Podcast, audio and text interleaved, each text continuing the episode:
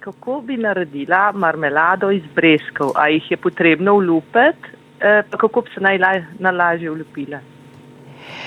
Ja, je dobro jih olupiti. Glejte, z lupilcem tisti, ki najtanjše lupi, kar je možno.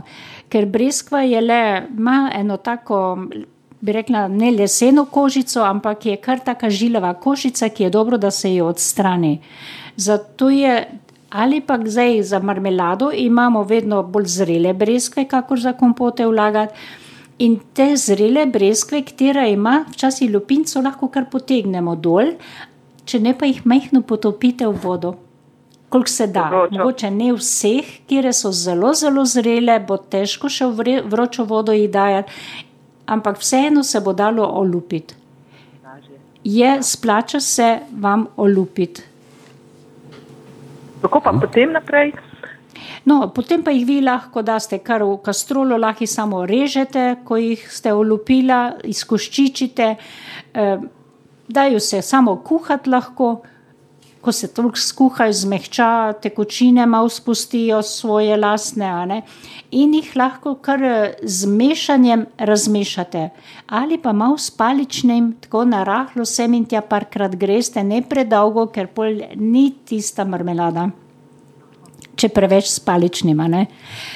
No, in tako jo kuhate do sladkate, osladkate, zdaj, koliko je približno breskev bilo, boste določila sladkorja in še pol po okusu lahko še vključite, mešate in do kuhanja toliko, da je marmelada kuhana. Poizkus bo vedno na mestu, da kanete kar na porcelan krožnik ali pa daste pol žličke marmelade in po sredi črta, če se ne zliva, če se ne sestavi spet nazaj tale marmelada, je kuhana. In takoj vroče kozarce pa zapirate. Zdaj, za še večjo sigurnost je pa kakšne dve kapljici alkohola, žganja dam na pokrovček, to zažgem, je plamenček in samo privijem na kozarec in je zaprto.